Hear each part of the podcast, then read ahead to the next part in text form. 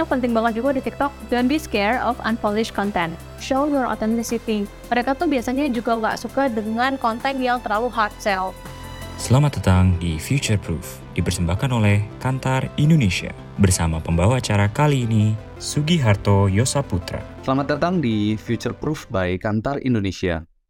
Nama saya Sugiharto Yosaputra, Media Study Lead di Kantar World Panel Division Indonesia. Hari ini kita akan ngobrol-ngobrol dengan Mbak Leni Susanti dari TikTok Indonesia. Nah, sebelum kita mulai, boleh diceritakan dulu nih Mbak Leni, uh, bagaimana role-nya di TikTok Indonesia? Thank you Mas Sugi uh, buat opportunity-nya hari ini bisa sharing uh, dengan kantor juga dan bisa ngobrol-ngobrol sedikit. Uh, jadi kalau saya sendiri di TikTok Indonesia, role-nya adalah brand partnership lead. Sebenarnya jadi tugas saya itu memperkenalkan TikTok kepada brand-brand dan membantu brand itu untuk meraih marketing objektifnya dengan TikTok Advertising Solutions. Karena kan di TikTok kita juga punya banyak nih kayak advertising solutions dan banyak juga brand yang belum uh, tahu soal TikTok gitu ya karena kan kita juga baru. Jadi itu sebenarnya tugas utama seorang brand partnership gitu. Oh gitu. Nah jadi Mbak Leni kalau dilihat-lihat ya sebenarnya kan TikTok itu kan di Indonesia bisa dibilang adalah sosial media yang baru gitu ya. Nah cuman dengan seiring perkembangannya yang makin pesat gitu, emang semakin banyak brand-brand yang masuk ke dalam TikTok gitu ya untuk beriklan. Jadi mungkin koreksi sedikit nih Mas Sugi kalau misalnya TikTok ini sebenarnya bukan social media gitu. Kalau TikTok ini kita lebih ke short video distribution platform. Jadi memang benar-benar kita fokus di short video. Sekarang ini durasinya sekitar dari 15 second sampai 60 second mostly. Tapi kita memang uh, belum lama ini juga trial for longer ini ya longer durations gitu. Jadi memang secara user experience juga berbeda dengan social media platform pada umumnya. Di mana kalau di TikTok itu kita nggak perlu follow seseorang. Gitu. Jadi benar-benar uh, really depends on konten apa nih yang kita interact, yang sering kita lihat gitu. Jadi kalau Mas Sugi juga udah pernah uh, coba TikTok gitu kan, pasti sering scrolling-scrolling di FYP-nya. Nah, FYP-nya itu setiap orang tuh very unique dan kita nggak perlu follow uh, seseorang. Oke, jadi memang lebih sebagai apa ya? media konten gitu ya instead of social media. Dan untuk partnership sendiri, kalau di TikTok itu semakin ke sini memang semakin banyak brand yang masuk atau gimana nih, Mbak? Yes, jadi sekarang ini dari mungkin kita kan mulai uh, mulai heavy ya, mulai serius lah gitu ya sejak tahun 2020. Dan kita lihat juga perkembangan, especially di brand-brand FMCG, ini sekarang udah mulai banyak banget yang uh, adopt TikTok gitu ya, dan uh, include TikTok dalam uh, channel komunikasi mereka. Dan kita ngelihat terus uh, increasing sih mas so far ya. Ini kan sesuai nih Mbak ya, jadi kalau kita ngelihat datanya panelis di kantor World Panel Indonesia, nah TikTok sendiri memang jadi salah satu digital media platform yang perkembangannya paling pesat di Indonesia dari sisi penetrasi pengguna gitu ya. Nah jadi dengan semakin tinggi penetrasi penggunanya, ini TikTok justru juga menjadi media yang menarik untuk dimasuki oleh uh, pemain FMCG di Indonesia. Nah jadi sepengamatan yang balik ini, bagaimana sih tren terbaru soal quote-unquote branded content di TikTok sekarang ini? Oke, okay, jadi uh, in general kita tuh melihat selama pandemi ini aktivitas dari brand-brand FMCG baik dari F&B atau beauty and personal care itu terlihat meningkat. Jadi banyak FMCG brand yang juga menggunakan TikTok sebagai salah satu channel komunikasinya kayak yang tadi aku udah mention gitu kan. Dan special ini untuk reach yang audience dan juga engage dengan konten video di TikTok. Dan ngomongin soal konten sendiri nih Mas Sugi, FMCG itu juga mengalami peningkatan di TikTok. Sampai Juli 2021 ini, konten consumption tentang food and beverage meningkat lima kali lipat dibandingkan tahun lalu dan empat kali lipat untuk beauty and personal care. Dan uh, I think juga bukan itu aja, mereka itu juga selain sebagai source of inspiration, konten di TikTok juga bisa leads to purchase. Jadi sekitar 45% of TikTok user di Indonesia, uh, mereka interested in beauty and personal care products, 71 persennya interested in food and beverage product, dan sekitar 92 persennya TikTok users ini juga online shoppers gitu. Dan kita juga bisa lihat dari jumlah organic hashtag. Kalau misalnya ngelihat dari organic hashtagnya sendiri, itu kak banget sharing dengan mereview beauty products yang mereka beli dan gunakan dengan menggunakan hashtag racunin TikTok. Jadi mungkin masuknya juga pernah dengar nih kalau racunin TikTok ini uh, orang-orang itu kayak sharing apa yang mereka beli dan ini beneran kayak apa ya mereka tuh if they're if they're experience good thing about the product mereka tuh happily bikin konten tentang review produk tersebut jadi even mereka tuh nggak nggak dapat kayak hadiah atau diiming-imingin sesuatu gitu they happily create that content dan racunin TikTok ini juga terus meningkat dan telah mencapai 6 miliar view saat ini. Uh, dan kita lihat juga menjadi default hashtag for FMCG. Selain itu juga brand berusaha untuk selalu engage dengan user di TikTok seperti menjalankan branded hashtag challenge campaign.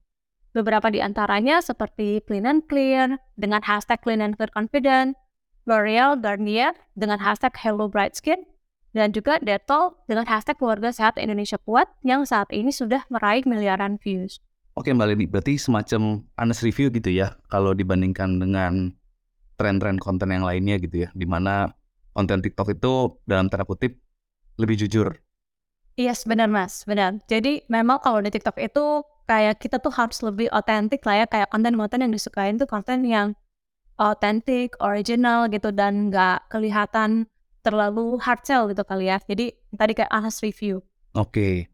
Dan kalau menurut Mbak Leni nih, jadi untuk para pendengar Future Proof by Kantor Indonesia yang merupakan brand baru, jika sebuah brand baru mau masuk ke dunia TikTok, menurut Mbak Leni, gimana sih cara atau mungkin waktu yang tepat gitu untuk reach konsumennya via TikTok? Ada tips and triknya nggak Mbak? Oke, jadi mungkin tadi kan aku juga udah mention ya bahwa konten-konten mengenai FMCG brands ini sudah berkembang pesat secara organik. Jadi banyak users yang membuat berbagai macam konten tentang daily activities mereka seperti produk yang digunakan, terus beli di mana, bahkan experience dan tutorial menggunakan produk tersebut. Dan especially ini kita lihat banyak banget di uh, beauty and personal care. Dan konten-konten seperti ini biasanya itu sangat menarik buat user-user TikTok. Uh, they feel relevant to that content gitu kan, karena itu kayak sehari-harinya mereka lah. Dan sebenarnya konten-konten tersebut juga bisa banget untuk diadaptasi oleh FMCG brands gitu. Mereka bisa membuat konten yang otentik dan kreatif untuk produk-produk mereka. They can give inspiration on how to use the product in a very fun way or TikTok way gitu.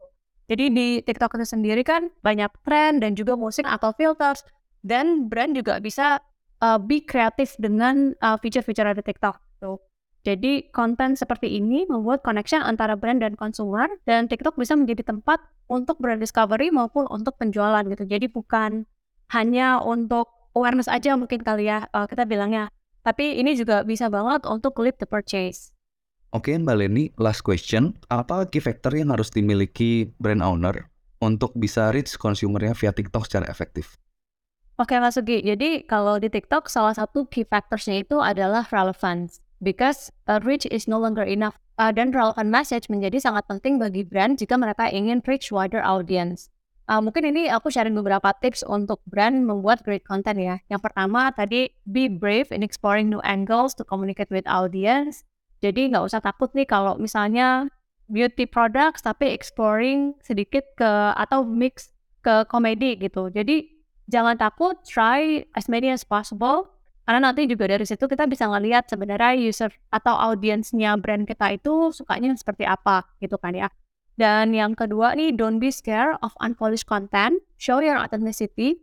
Karena TikTok users love it gitu. Mereka suka banget dengan konten-konten yang uh, kita bilangnya kayak native content gitu, organic content. Jadi walaupun kita brand, kita bisa be part of that dan dengan konten-konten yang unpolished seperti ini biasanya akan lebih resonance dengan audiens kita. Antara brand dan audiens atau dengan user TikTok itu jadi nggak ada jarak gitu.